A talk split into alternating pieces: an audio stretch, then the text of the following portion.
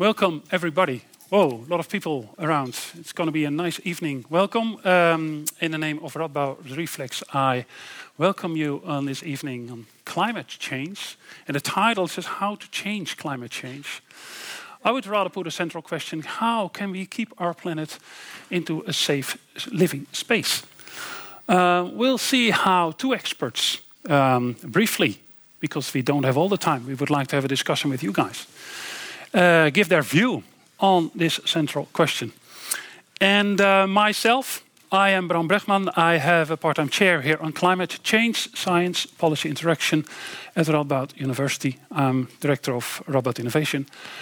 And I have, uh, um, because of the Netherlands, uh, national focal point of the IPCC of the fifth assessment report. Um, so I have uh, quite some experience with the IPCC reports, uh, good and bad experiences. Um, and um, I would like to introduce two uh, speakers, two important speakers. One is I'm very happy to introduce Stephen Pacala. Stephen Pacala is professor of ecology and environmental biology of Princeton University. He is director of the Princeton Environmental Institute. He is um, very active in the interaction between climate change, ecosystems, biosphere, uh, interactions, uh, and he is very active because he is also uh, a well-known or uh, a welcome person in the White House or in the Congress, or he he is uh, very active also in trying to influence uh, the public policy on climate change. He's the co-founder of Climate Central. You should, if you don't know it, Google it. Uh, from when I was at the KNMI, the Dutch Met Office, we worked a lot with uh, with Climate Central, uh, uh, climate change attribution stuff. They, these guys are very good in in making the stuff available for a bigger audience, and that is something that we also do tonight uh, for the subject. Uh, and last but not least, he will get an honorary doctorate in two days from now during the Dies. So I'm very happy and very honored to have him here, and he will give a talk. Now, I would also like to introduce Heleen de Coninck, and you might have uh, noticed her in the media quite a lot the recent week. And many of you probably have known or seen or experienced that there has been a new IPCC report on the 1.5 degree uh, global warming possibilities. She was one of the two Dutch main authors of this report and one of the most important uh, chapters on the solutions how to mitigate greenhouse gases was on her responsibility.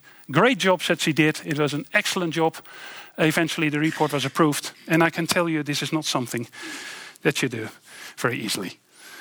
Um, what will be the program of this evening? We will have a brief lecture by Heleen Coninck on this report that just appeared. Uh, there is room for questions. If you have a very burning question, we would like to have an interaction with you. So uh, please raise your hand. Uh, we could also we also give room after the uh, presentation for you to ask questions. And then we will have the lecture by Stephen Pacala, also about 15 minutes, and then we will have a, a discussion on some of the burning questions you obviously will have after or already now uh, the presentations.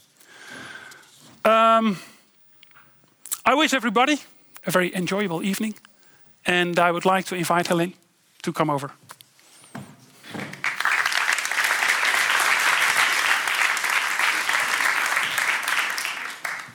right, thank you very much. My slides, yeah. So this is also a very exciting moment for me because this is the first time I'll present uh, the IPCC special report on global warming of 1.5 C, which has been uh, a big part of my life in the past uh, year and a half. Um, cost a lot of time and, uh, and especially in the past few weeks, a lot of effort as well to, uh, to get it approved. And what I'll try to do is give you a taste of one, some of the main results uh, of the report. Maybe to start with, um, on the IPCC as such, because many people think it's an organization that uh, basically prescribes policies, that tells policymakers what to do. Or if the IPCC comes out with a report on 1.5C, people think, oh, it's great, the world has decided that we will stay below 1.5C. Um, unfortunately, that's not the case. The IPCC is a scientific panel uh, run by the United Nations It provides, uh, it assesses the literature around climate change, the peer-reviewed literature around climate change, in order to inform policymakers so that they can make better decisions, essentially. Uh, our mantra as authors in the IPCC report is policy relevant, but not policy prescriptive. So we cannot tell any policymakers what they should do. What we can say is things like, if you want to remain below 1.5C, you will have to, etc., etc. That's the, those kind of conditional statements we can do, but we cannot say you should do this or it is better to do this than that. That would be advocative and that would be the end of the IPCC, essentially. I also sometimes get asked, uh, are you still free as a scientist to write what you want? In the IPCC, aren't you governed by politicians in this process? And there's a yes and a no answer to that. Uh, the way it works is that the IPCC is essentially a meeting of governments. They decide which reports will be written, and they decide on the outline of those reports. So the main chapters and some bullet points about what should be in the, in the chapters. That they hand over to the authors the authors start working with that, make a new outline, um, uh, assess the literature, write a first draft. Uh, this is being reviewed by a lot of people, uh, first only by experts, and in a second round also by, by governments. Um, and eventually, we come up with a final version of the report, taking hopefully into account many of the comments because those comments are really good.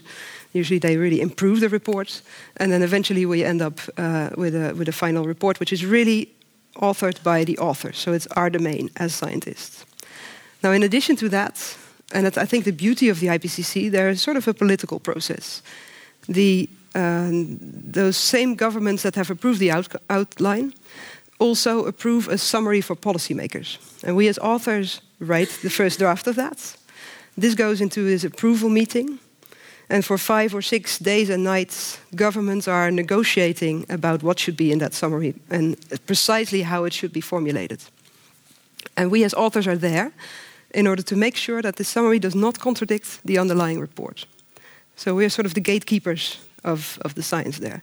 And I can tell you sometimes that's tough because sometimes there's a lot of pressure from governments to sort of change something. Uh, but we just cannot contradict the underlying report. So that's sort of how it works. And this approval session of five, six days happened in Korea in the first week of October. And then the Monday after that, uh, the report was released, and, uh, and you could all read about it in the newspapers. So that's how IPCC works. So it's not. So this is uh, uh, the background to this report.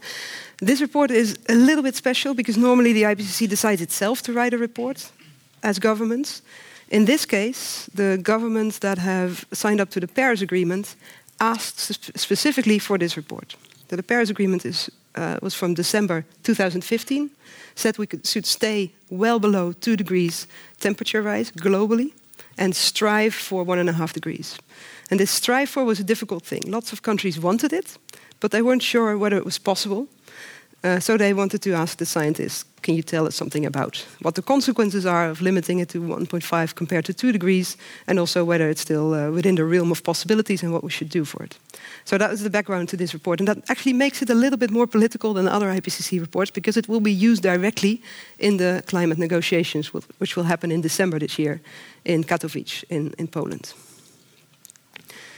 Okay, so this particular report was written by 91 authors from 40 countries, uh, another 133 contributing authors. Um, we assessed 6,000 literature sources, and um, um, a bit proud to say that uh, half of those were in the chapter uh, that I was a, coordinating lead author for. We had more than 1,100 uh, reviewers and uh, 42,001 comments. and who made that one comment? um, and we have to address all those comments that's in these two review rounds. We have to address them one by one, and these responses and the comments will be public. So we have to do a good job. So in itself, you know, responding to that many comments with you know 90 authors or so was a, a big job. Okay, so what are the key messages? Um, first of all, we are already at one degree warming. The world has already warmed by one degree centigrade, and this is due to humans, and we are already seeing the consequences on people, on livelihoods, and on ecosystems. if we go on like this, uh, we will reach one and a half degrees on average globally uh, between 2030 and 2050, roughly. Um, there are very clear benefits to limiting warming to one and a half degrees compared to two. Uh, we can still do it, geophysically speaking, but we need to change a lot in order to make it happen. Um, and finally, this report, and I won't go into it in the presentation, but it's good to keep that in mind, also made an assessment of how the uh, one and a half degree target and its measures interact with the sustainable development goals, which are much broader than just climate change, and basically concluded that the interaction is generally positive. So, limiting warming to 1.5 C has positive interactions with other environmental and social goals. So going more into detail, um, what does it mean to limit warming to 2 degrees compared to 1.5 degrees? Um, first of all, less extreme weather events, especially where people live, including extreme heat and, and rainfall, so basically less cost on that. Very concretely, by 2100, global mean sea level rise will be 10 centimeters less under a one and a half degree scenario compared to a two degree scenario, which corresponds at the current population with 10 million people uh, that are fewer that are exposed to risk of, of rising seas and would potentially have to migrate. Now, sea level rise continues after 2100. It's not something that you prevent uh, with a one and a half degree scenario. It will, will continue, but it will continue at a lower level than with, uh, with two degrees. And it will go more slowly, which allows uh, adaptation to it. Uh, um, that, that's more realistic. Coral reefs would pretty much completely disappear under a two degree scenario, and under a one and a half degree scenario, we'd still have 10 20% left. And we'd have an ice free North Pole every 100 versus every 10 years in a one and a half versus two scenario. This is just a selection of the impacts the, the difference in impacts. And this report, of, I think one of the merits of this report, it's not my chapter, but it's one of the merits, is that it really brought a lot of literature together that assesses this and that really shows that there is a big difference in this half degree average temperature rise. Now, what do we need to do in order to stay below 1.5 C in terms of our emission pathways? So, how do we need to, as a world develop. And it's also important to say that all these numbers are global numbers. The IPCC in this report did not look at regional uh, development, also not for, for emission uh, pathways. We need to have CO2 emissions fall by about 45% globally by 2030 compared to 2010. For two degrees, that would be only 20%. Still challenging, but it's really a, a very different uh, scenario. Um, in terms of net zero emissions, so when do we have to have net zero CO2 emissions? That's basically the, the difference between the CO2 emissions you still have left and some carbon dioxide removal, so actively removing CO2 from the atmosphere. Uh, that would mean around 2050 in order to have a good chance of, uh, of limiting warming to 1.5 C. And for two degrees, that would be more like 2075, uh, so a couple of decades later. And also, uh, there's actually between the scenarios that these, this report looked at, there's not a big difference between the non CO2 emissions, because in the sort of pathways uh, that the researchers looked at and that are generally modeled, the non CO2 emissions like methane or uh, nitrous oxide or black carbon were already maximally reduced anyway. So, in that sense, it doesn't make a whole lot of difference whether you're doing a one and a half or a two degree scenario, it's essentially the same outcome. So, the big difference is in, in how, how we deal with CO2. Um, so this is just a picture to show, uh, um, just very in very simple terms, the temperature developments um, since 1960, and you see how the line is going up. Obviously, um, the dashed arrow shows where we would sort of with a huge uncertainty range because it's it's fairly uncertain how the, the Earth responds. Um, uh, when we would uh, uh, reach this one and a half degree um, limit. And you can also see that some of the scenarios that we're looking at actually have an overshoot over one and a half degree and then return back to one and a half degrees at the end of the century. So by 20, the criterion is by 2100 we have to be below 1.5 C. That means that in the meantime we can go over a little bit. Um, however, there are some sort of irreversible impacts, which you would get if you would reach like 1.7 C and then get back down. You haven't, uh, you can't go back on some of these impacts. For instance, extinction of species. Um, all these scenarios are assigned a sort of a, a likelihood, and the uh, one and a half degree scenarios, it's generally a likelihood of 50 66 or, or a bit higher percent that you will stay below 1.5 C. So it's not a guarantee.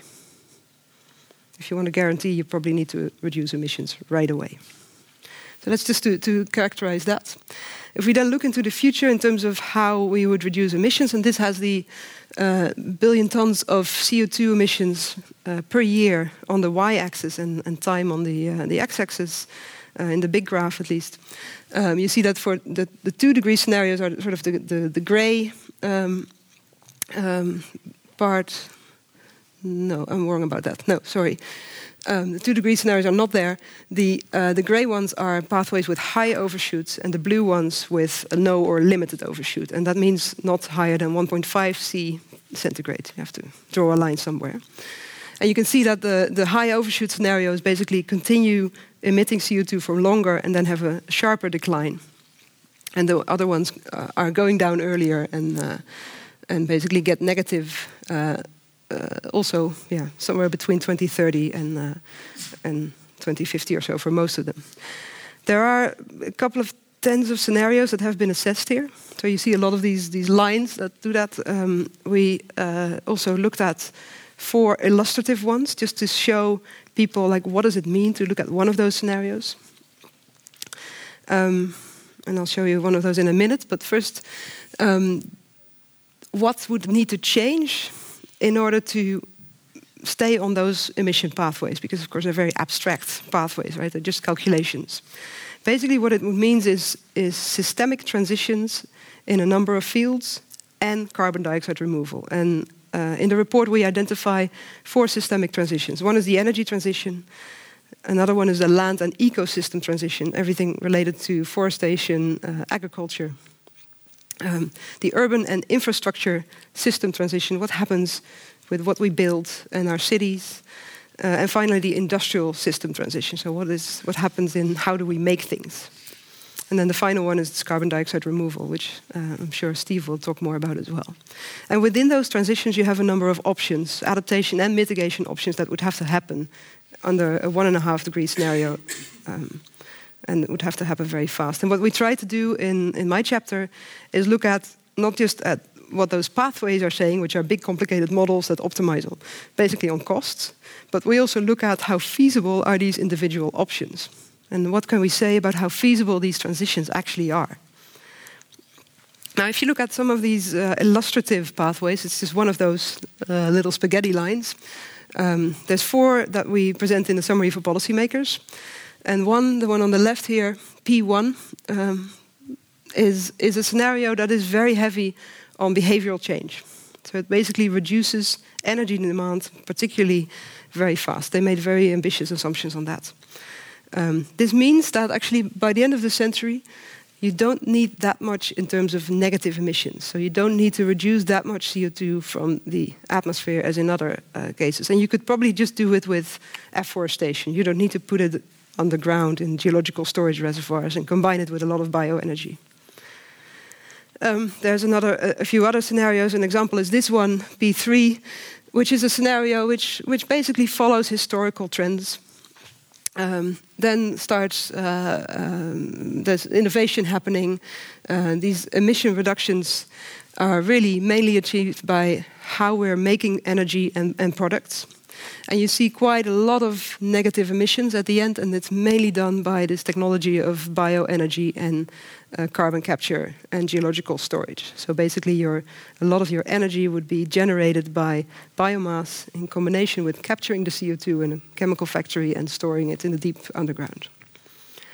Um, so those are just the, the, the idea is, and then there's a more extreme scenario even that that allows us to continue longer on our current path, but then you have to decline your emissions very rapidly.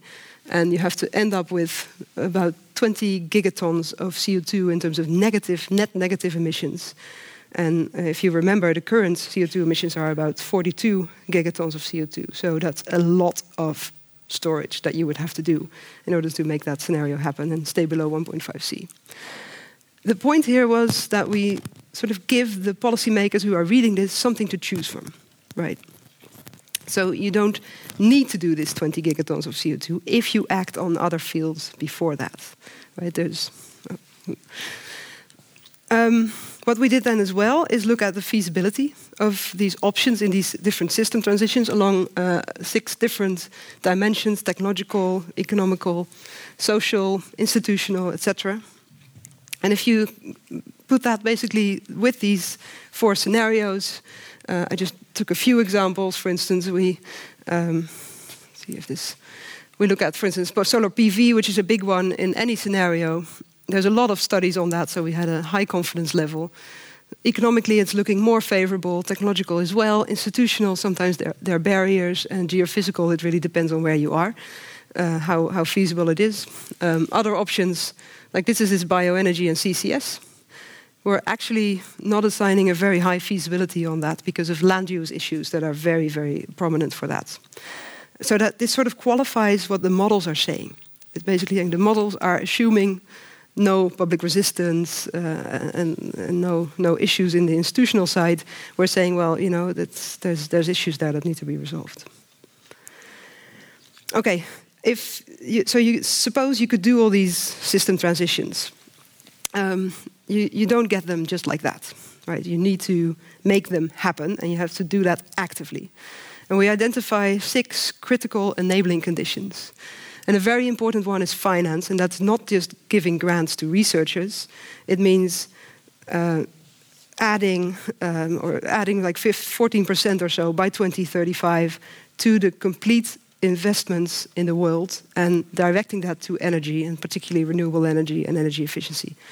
And that will correspond to a huge reduction of investments in the high carbon options. So this is a, a big change in, in how we invest in, in, in our future infrastructure. Um, it's not the, the numbers are not crazy. They're sort of within the realm of possibility, but it is a, a big shift. And of course, not everybody's happy with that shift.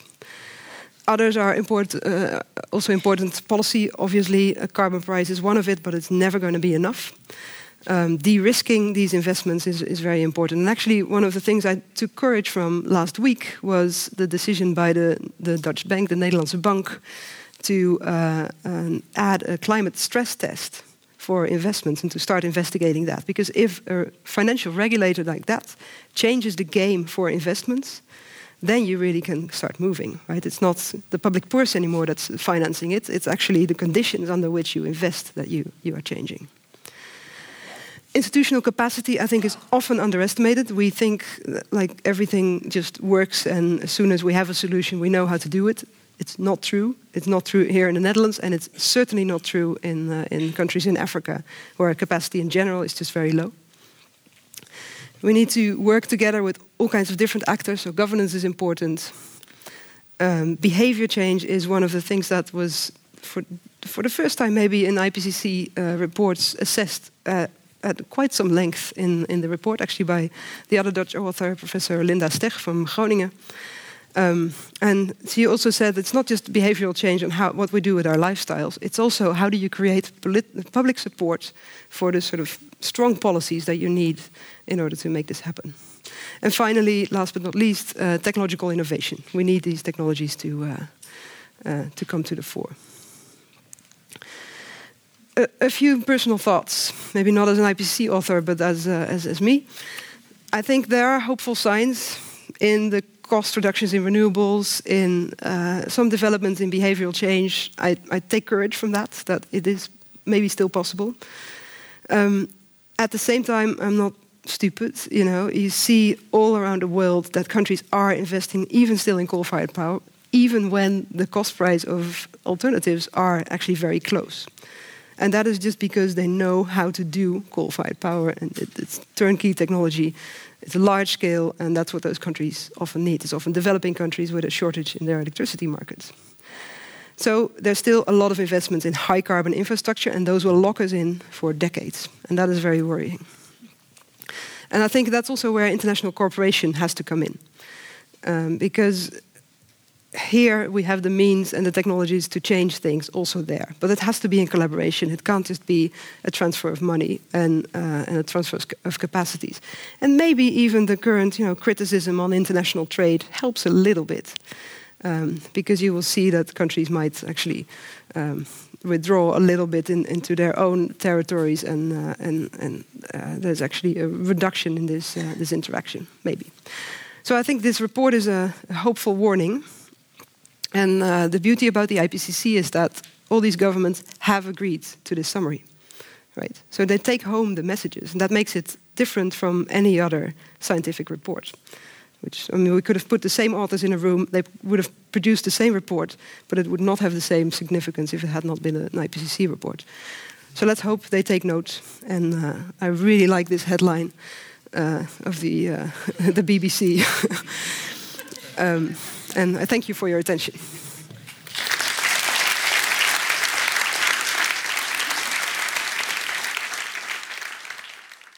Happy to introduce Stephen Pacala. We're going to switch gears a little bit uh, for the United States um, situation. And Stephen will also have a very, I think, also a, a, a positive, a, a very inspiring uh, examples of how we can deal with climate change in the technological development, right? Being from the, the, United States, um, one is happy with a very low bar to hurdle these days. so, yeah. All right. So, so I call this climate change paradox in the USA hope in dark and warming times. The dark and warming speak for themselves. Um, the, the Paris Agreement, as you know, uh, Article 2 said that uh, all the signatories were going to reduce emissions so that we avoided two degrees, substantially less than two degrees, with an aspiration for one and a half degrees. Um, and also that sources equal sinks, that is, zero net emissions by around mid century. Now, when Obama was the previous US president was in office, he had a set of policies around that were frankly just a beginning all right? They got going a little bit. They cut emissions by uh, about a half a gigaton from power generation in 2030, and by a bunch of rules, mostly changes in automotive mileage standards. Um, by, by 2030 uh, also, and reduced emissions by about a gigaton. But they also had, for the first time, a 2050 goal which, while not enough to get to substantially less than two degrees, was still pretty substantive an 80% emissions reduction by mid century. This is aspirational, but, but uh, at least it's, um, it passes the laugh test. Now, when, when you're an American these days traveling abroad, uh, in addition to feeling sort of shame and wanting to skulk around and hide, um, you're also, whenever I talk to an audience like this, there is an elephant in the room, all right, with us. And that elephant is obvious, okay? And since Donald Trump was elected, he has attempted in what are, I think, there would be you know, nearly unanimous consensus globally, is the single most irresponsible set of environmental policies in the world now announced a withdrawal from Paris by the second largest emitter and the largest historic emitter of CO2, all right, the country more responsible than any other uh, for this problem. And he's attempted to scrap the Obama uh, uh, initiatives to reduce emissions from power and the transport sector. These actions have taken up more than half of my time since his election, and I have a full time day job, okay? Now, with that said, it's important to understand that these are all announcements. It's announced and attempted. None of it has happened yet. The withdrawal from Paris can't legally happen until after the next presidential election. Okay? All of the big scrappings of the Obama initiatives are subject to court challenges that are winding their way through the court with very strong precedents on the other side. So these are not yet done. There's just a lot of, the Germans would say, Sturm und Drang around this, right? Just a lot of noise. So I want to talk about, in the, with this as a backdrop, about two reasons for optimism. And there are a couple here. The first one has to do with a revolution in low carbon technology. This is not usually chronicled, but one of the singular accomplishments of humanity has taken place in the last 15 years. And I want everybody to be aware that this is the case. Many of you know it, but oftentimes it happens so slowly that you're not really aware that what happened was extraordinary. And the second one, I'm labeling the wisdom of the marketplace, and I'm going to let that stand by itself. We'll get back to it in a minute. It's a reference to Keynes. Okay, so so this is a personal uh, a way of telling the story for me. But 14 years ago, a guy named Rob Socolow and I published a paper in the journal Science which was an attempt to, it actually had an audience of one. Um, the, the, the, the US is, even without Trump, the only major country in the world where one of the main political parties has, as part of its platform, active denial of climate science. Okay? This must change, and that's what the second part of the, of the talk's going to be about. And at the time, um, the party was actually a little bit ahead of where it is now, uh, but uh, but, but Bush the Younger's uh, minister of, of, uh, of uh, energy, his Department of Energy head, had a, had a speech he liked to give that we lacked the technology even to get started. He liked to say we need a, an invention as sort of fundamental as the discovery of the use of electricity by Faraday in the 19th century to get started. And so Socolow and I wrote this paper to, to, to make it impossible for him to give that speech. And I saw him afterwards and he said, You wrecked my speech. It actually worked, okay? And so, so the idea was this um, we were here in 2004. These were global emissions. This is in billions of tons of carbon atoms, not billions of tons of CO2, which is the way we did it back then. Uh, the world was at seven of these units. And we just linearly extrapolated the trend 50 years into the future, which is sort of the lifetime of a career or a power plant, and said that's where we're going to go under business as usual, a doubling.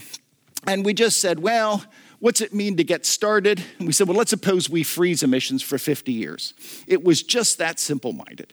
And to freeze emissions for 50 years and then drop them afterwards, which would take you to roughly two and a half to three degrees, much less stringent than the, the, the targets we've subsequently adopted, you needed to cut this green triangle out of future emissions.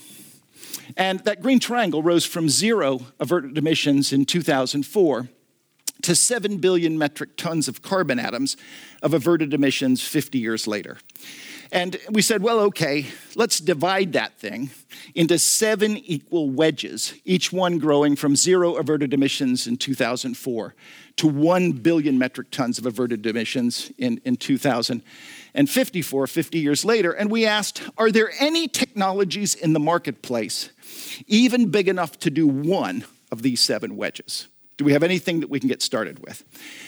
And so we inventoried the technologies and we came up with 14 already in the marketplace at an industrial scale that could be scaled up to do one of these things. And the message was not only do we have enough to get started, we've got a superabundance. We can have markets choose which one um, uh, uh, uh, is the most. Uh, um, uh, is, is the most cost effective. So, the point I want to make, when I reiterate, we only got, we're getting started, and the reason we didn't talk about endgame is that we lacked technologies to complete the problem.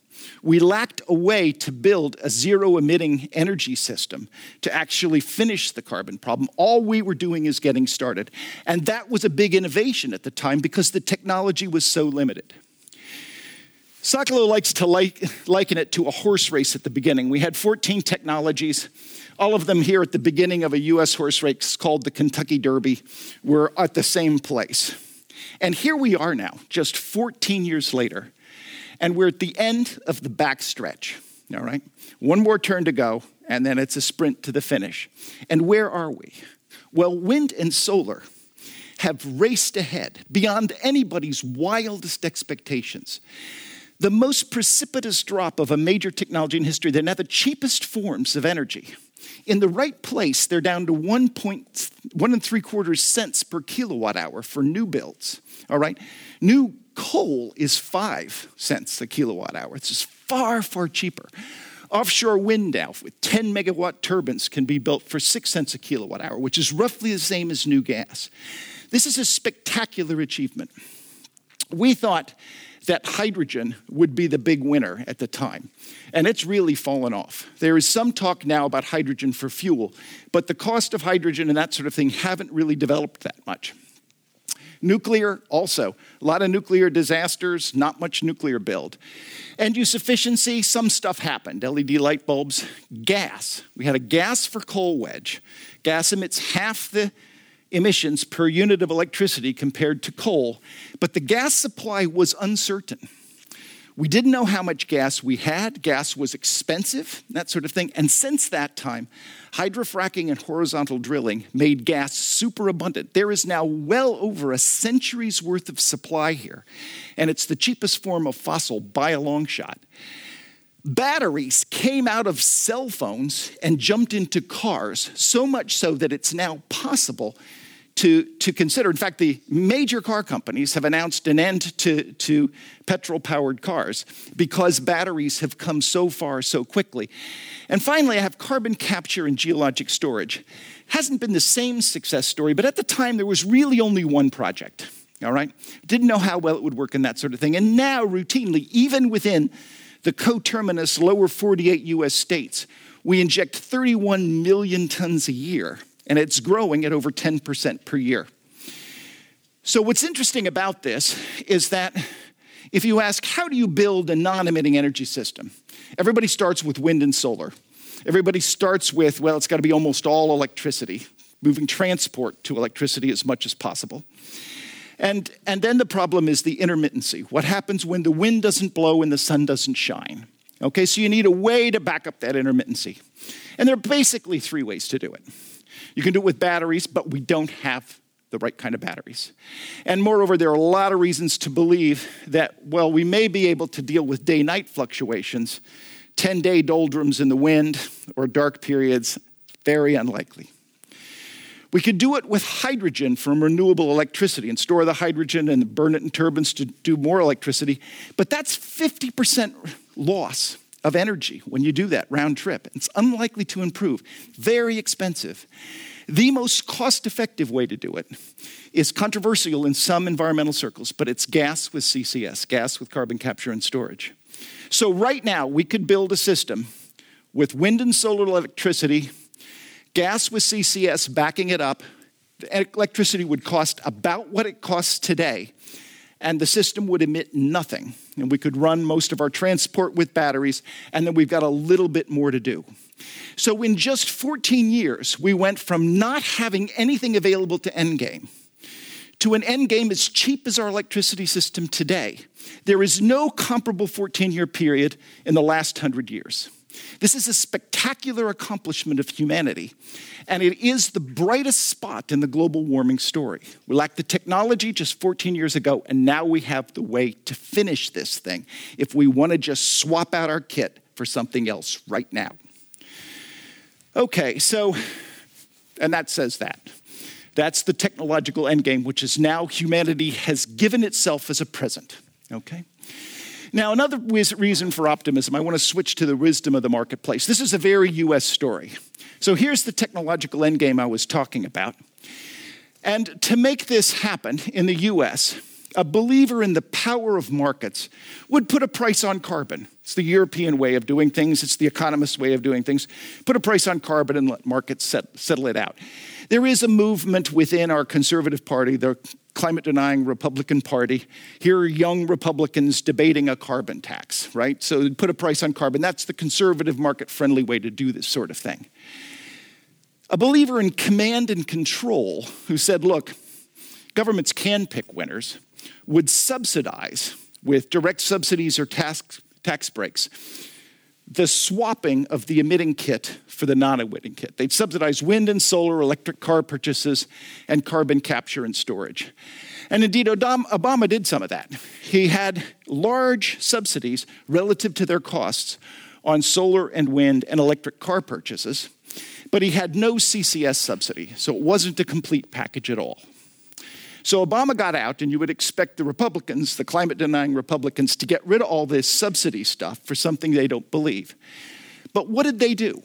Well, in the tax bill of December 2017, hidden in a provision was a continuation of these Obama era subsidies.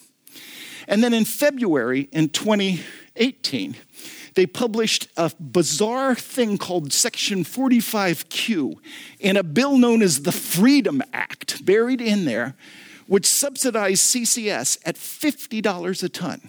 What's the current European price on carbon?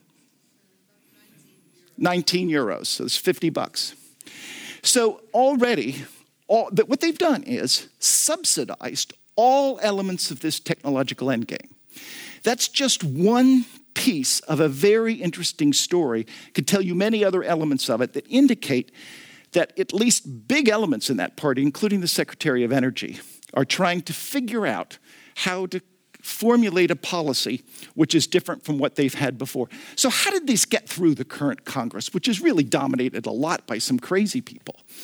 And the answer is I did forensic work on it. I do enough work with uh, the US House and Senate to actually find out who voted for what and why. Very interesting story. And it's because it's highly heterogeneous. The oil and gas interests were lobbied by oil and gas companies who wanted these subsidies. Wind manufacturers were lobbied by were, were lobbied their senator, like the powerful Senator Rob Portman from Ohio, who, who was protecting his turbine, turbine uh, manufacturing. All the environmental NGOs teamed up with the oil companies and the American Petroleum Institute to lobby for this. Everybody was lobbying from every direction for this thing. Very much like the power of the marketplace, the marketplace collectively had decided this technological transition has happened. And the market then in its wisdom, has expressed its wisdom and its decision through heterogeneous, uncoordinated lobbying from all directions. And I actually believe that's the most likely hypothesis. I think Keynes was right here, and this is the way the market is expressing itself. So, there's a what passes for a philosopher in the United States is a baseball player. Guy's name is Yogi Berra, and he was a sage that lived and played just after World War II. And he said all kinds of things. The future ain't what it used to be. He said it's tough to make predictions, especially about the future. And the one that's most appropriate here, he said, it ain't over till it's over. And that's what I want to leave you with.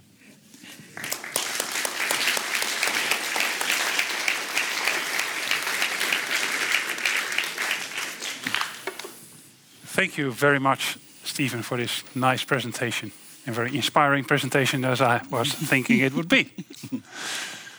questions? I can understand there might be a few questions or remarks or raise your hand. Sometimes the light is, yeah, there's one here. Wait for the mic, please. It's a very small one. Yes, wait for the mic, wait for the mic, because everybody wants to uh, hear your, your point. Is the elephant shrinking well, I heard on the radio today in Holland that the fake news of the climate change, he has redraw, redrawn this, this uh, uh, announcement. Yeah, um, so so there there are many announcements uh, by the president that many of which contradict one another, right? And that's part of the strategy here. So recently there was an announcement that climate change wasn't fake news. So he's what he's doing right now is been touring. Um, uh, hurricane damage victims in a portion of Florida that that hurricane hit, which is a stronghold for his voters. And, and and so we wanted to express sympathy. And the news is full of the growing scientific capacity to attribute hurricanes, and especially the step up in intensity and the maximum rainfall, to fossil emissions. Okay? And so he wanted to sound, he didn't want to sound uh, too retrograde because he wanted to sound sympathetic. So he said, you know, there really has been climate change because everybody can see it, right? Though, I mean, they knew that the weather wasn't their, the weather of their grandparents, right? And so he said, yeah, there's been climate change, but it's probably not caused by people. And also, the science is entirely political, is what he said. All right. So there's an old joke in the U.S. that you can tell when a, I hope there are no lawyers in the audience, but if there are, forgive me. The old joke was you can tell when a lawyer is, is lying because his lips move, right? And this is the same thing that applies here. Right?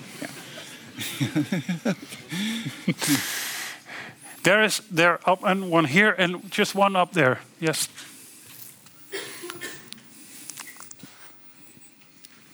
Those uh, seven wedges were very interesting. um, would a change of um, eating patterns also be considered as one of the wedges? I happen to have seen uh, the film Cowspiracy, and I thought, well, is that also part of the wedges, or? So we had um, uh, three wedges that came from changes in efficiency, which were mostly changes in human behavior.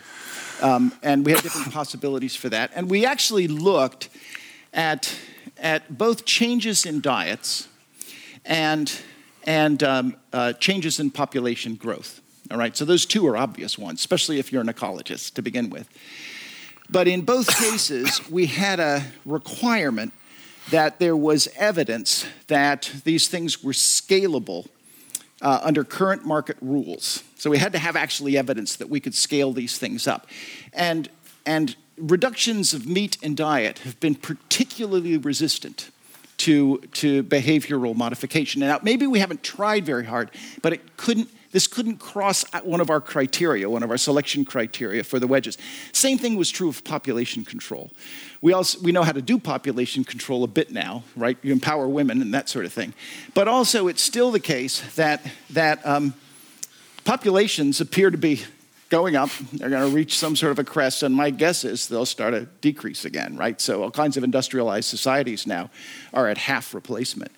So, we didn't see a way in which climate policy was likely to fundamentally change the population growth of the entire world. And so we left it out.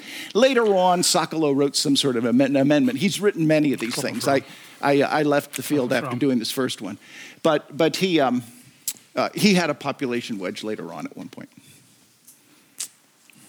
I thought that was, that was on here. Yeah. Thank you very much. Um, the, the, wisdom of the market is, is, is, hopeful. I think it's a very American um, kind of a hope. Uh, there's also maybe wisdom of the people, because I think I read today that uh, a group of American youngsters have gotten the, the go ahead to sue the government uh, about their inaction on climate change. do you have any experience with uh, you know, uh, individual citizens suing governments, and what do you expect to come from this? Yeah. Um, so, so so I'm used to speaking on the record, so I'm going to be very careful. Um, uh, some time ago, it became clear to me that the science that allowed um, the attribution of mean changes in the global climate to fossil emissions, that same science could be applied to extreme weather events, to the damages from extreme weather events. And the reason was there's a technical reason. It's very interesting, actually, that, that normally you would think, well, it's got to be difficult because you have a lot less data about one little location, whereas you have a huge amount of data from the globes, you should be able to detect things much easier. But it turns out that changes in the frequency and intensity of extremes are much larger with a small amount of climate change in the mean. And so the signal is much bigger. So it turns out that it's kind of a wash and you can detect these things. And the reason I was interested in that is that in the United States and elsewhere, that gives people who've been damaged standing. You can identify a cause, and it's a statistical cause. But the statistical cause for torts worldwide is that if somebody has increased the risk of something bad happening to you, but there may be some lawyers in the room, I hope not about that little lips thing, but, but, but um, 50%, if they've increased the risk 50%, then in the US at least, and I believe elsewhere, you can sue them for damages. So I thought this is really going to be a big deal and started telling all the oil companies. And as soon as we started telling everybody, because I want, because you know, this is really something you want, you, you, you, you want people to understand that there's an existential threat here lawyers started showing up at this NGO we founded that did all of this work. We actually funded a large amount of the development of that science subsequently, did all kinds of intercomparison studies in a very short period of time and developed this science forward. We got it reviewed by the National Academy, and now it's pretty routine, right? And a lot of the work was done here in the Netherlands, yeah. right? Yeah, yeah, yeah. We worked. and so, so we funded it, right? And so, and so the lawyers all showed up, and then last year alone, 900 such lawsuits were filed. Okay? Now, now two weeks ago, ExxonMobil announced that they were not just going to be agreeable to a carbon tax being passed, they were going to physically spend millions of dollars lobbying for it. They want a 40 to $50 carbon tax, initially ramping up past 100, but their condition is they want indemnity from lawsuits. Okay? So buy um, it off. Yeah. Buy it off if you have much money. If you have enough money. Yeah. Yeah. Very interesting question. Last question. I saw hands raising somewhere. Otherwise, we.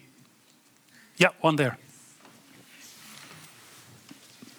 So it was long winded, but it's an interesting. Yeah, yeah, yeah, sure, of course. Right, yeah. Uh, last week I read an, uh, a comment in the paper, Dutch paper, and it was about uh, uh an American economist who was a Nobel Prize winner.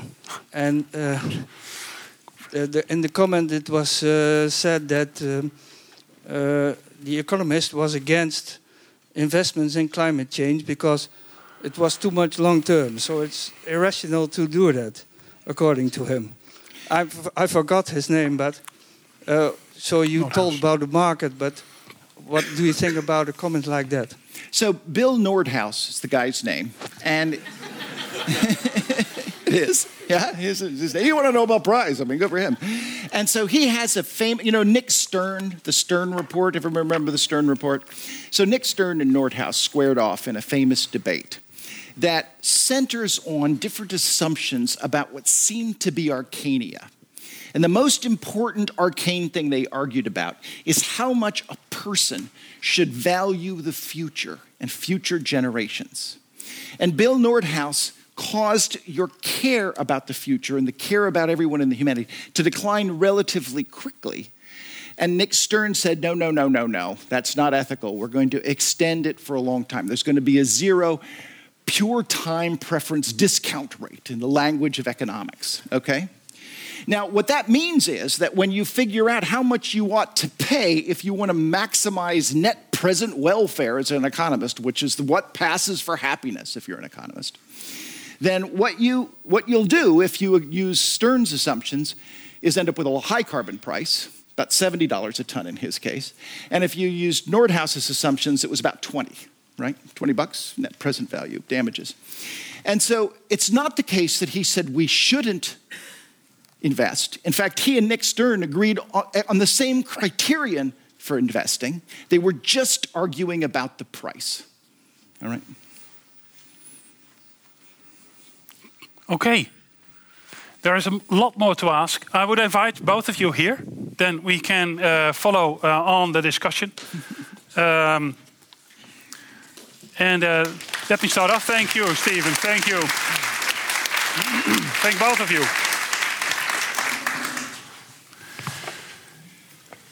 So these are actually two quite different stories on the same thing, but they come together, but from a different framing. And uh, it is interesting to see that from uh, Heleen, from your side, um, you really focus on this 1.5 degree, and your point is actually whatever it's 1.5 degree or 2 degrees, we're gonna make our world more sustainable, right? Do you care about, you know, is there any discussion about how important is this 1.5 or 2 degrees? Is that academic or is it just, you know, don't focus on this 1.5 degree or 2 degrees. Eventually, we want to make our world sustainable. So, the important thing to know, first of all, is that CO2 in the atmosphere, extra CO2, is dangerous. All right? It's demonstrably dangerous. It kills people and costs hundreds of billions, maybe trillions of dollars now, okay? And so, so extra CO2 in the atmosphere is dangerous, number one. And number two, through time, as the CO2 builds in the atmosphere, the incremental extra damage you get for each bit of CO2 you add, each part per million that you add, is bigger damages you add than the one you added before. So it's an accelerating damage function. And what that means is you should stop as soon as you can. So the question is how rapidly can we stop and not cast the developing world into poverty? right? Mm-hmm. And you know, not hurt people in other ways because our mm-hmm. energy brings us things that we all love. I flew here for crying out loud, right? And so, and you just flew from South Africa, right? So, so the point is that that that the argument is how rapidly can we make a technological transition and not cause hardship that's worse than the rapidity of the transition. So everyone, I think, agrees that, that, that thinks about this hard that we could do it in two and a half degrees or so, right? Two and a half degrees, we all say, yeah, we could probably do that. Maybe two and a half or three. Two is a stretch. One and a half is a stretch. It, it, it's really a stretch. It's feasible but, technologically, but it is a stretch. But let me say this: this, this, is, this is now this is getting interesting. How, how, Heleen, I agree. Yeah. how academic is a 1.5 degree target? Well, it's a political target. So I think uh, um, completely agree with Steve. Every additional ton you add to the atmosphere is is causing damage already. Um, the governments in the Paris Agreement um, could agree on a temperature target well below two degrees, vague enough to agree on something, and strive for one and a half. The question was asked to the IPCC: Could you please explain what that means? If we strive for one and a half, and and actually, it was what I always find interesting about this is that after the latest IPCC report in 2014, the debate was can we make two degrees? Is it actually feasible? And lots of modelers, the ones who are running those models that are now in the IPCC report, said mm, it's going to be really hard. It's not realistic. Then the Paris Agreement happened. It said well below two and strive for one and a half. That was a political compromise. And what uh, did, five what minutes did, before 12. Uh, what did right? all those scientists do? suddenly they could model, model one and a half degrees. Brave scientists. Eh? So I mean, if you if, if if science is sort of speaking truth to power, right? If science is sort of the basic starting point, and and basically the the policymakers and the politicians follow what the scientists are, are saying. In this case, uh, it was it was really the political agenda um, sort of over spilling over into the, the scientific agenda, just and that, that went through the IPCC essentially. So I think that the temperature target mattered because politicians could agree to it, and then from that follows actions that that that, that are very much similar to, to what Steve said in terms of renewables and in terms of, of CCS and potentially other technologies as well. So, so I can tell you what the American delegation negotiator said about this precise point in the Paris uh, uh, negotiations. And so I don't know if it's universal, but it's what the American team um, uh, uh, thinks was the course of events. So there was a figure that looked at the difference between one and a half to two degrees with sea level rise at sort of millennium timescales. And, it's, and there's a great big jump in this figure at one and a half degrees. Yeah, so and there was yeah. lobbying by mostly Pacific Island nations, intensive lobbying to get this to get this one and a half degrees inserted in the target for that right. reason.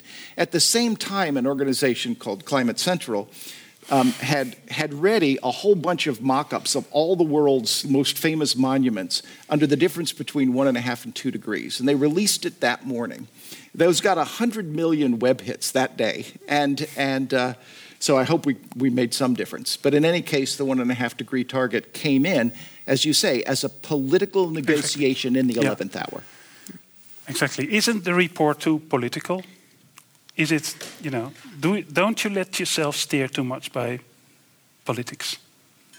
Is it, on, uh, is it is it on the on the expense of the credibility? I mean, we, what, we, what we did is we assessed 6,000 papers. We read more than that because we had to cut. yeah. Um, it, the literature indicates, gives a lot of information that we use in, in, in the report. And there's not that many scientists who say it's, it's completely impossible. Right? It's because geophysically it's quite clear it's still possible right. at, at, some kind of a likelihood. Right. We, we are answering a political question. We're trying to do it as scientifically rigorous as we uh, as, as we can. We have rules within IPCC that we follow to make sure it is embedded in the in the science. There's probably things we missed. There's probably things we did wrong.